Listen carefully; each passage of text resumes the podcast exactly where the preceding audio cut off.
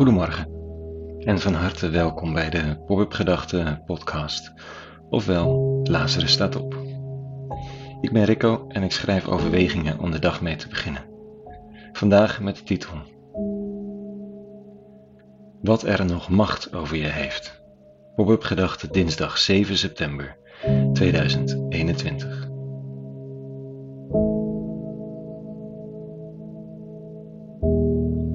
Wil het niet, maar het is er wel. En het belemmert me in mijn vrijheid.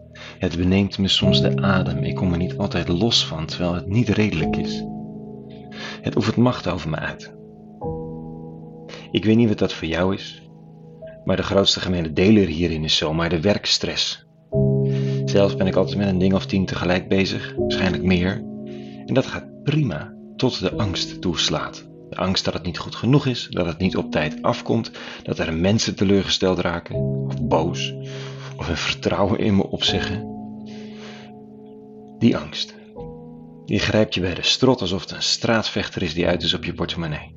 En kom maar eens los. Dat gaat niet zomaar. Of de angst om voor altijd een eeuwig single te blijven. En soms is dan de angst erger nog dan de realiteit.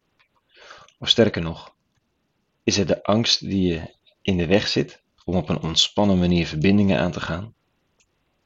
En je weet het allemaal wel, het staat in de boekjes en artikelen, maar kom er maar eens los van, word er maar eens vrij van. En soms zijn er domweg mensen die macht over je uitoefenen. Familie. Ze doen het niet expres of ze bedoelen het goed, maar ze houden je gevangen. En je komt er maar niet los van. En het gevecht om los te komen is een gevangenis op zichzelf. Of je baas, je collega, je buren, het zijn er nogal wat. Overheidsinstanties die met prachtige idealen zijn ingericht, maar soms domweg een gevangenis worden voor de burger. Of voor de vluchteling op weg naar Europa. Marteling soms. Vaak eigenlijk. Veel te vaak. Paulus erkent vandaag hoe vast je kan raken als mens. En dat we daar niet per se voor gemaakt zijn. En hij schrijft dan dit zinnetje: Hij, Jezus van Nazareth, heeft de heerschappijen en de machten ontwapend en publiek tentoongesteld. Hij heeft over hen getriomfeerd door het kruis. De heerschappijen en machten. Er wordt hier vrij weinig uitgezonderd van de publieke tentoonstellingen, van het in het hemd zetten, van elke koning en hooggeplaatste, van elke macht die met tentakels het hart omsluit en doet rillen van kou of angst niets uitgezonderd. Allemaal ontwapend en voor het publiek geparadeerd. Een overwinning door een naakte, gemartelde, gekruisigde. Paulus belooft dat het iets biedt. Die gekruisigde, opgestane, die man van Nazareth. Hij belooft vrijheid.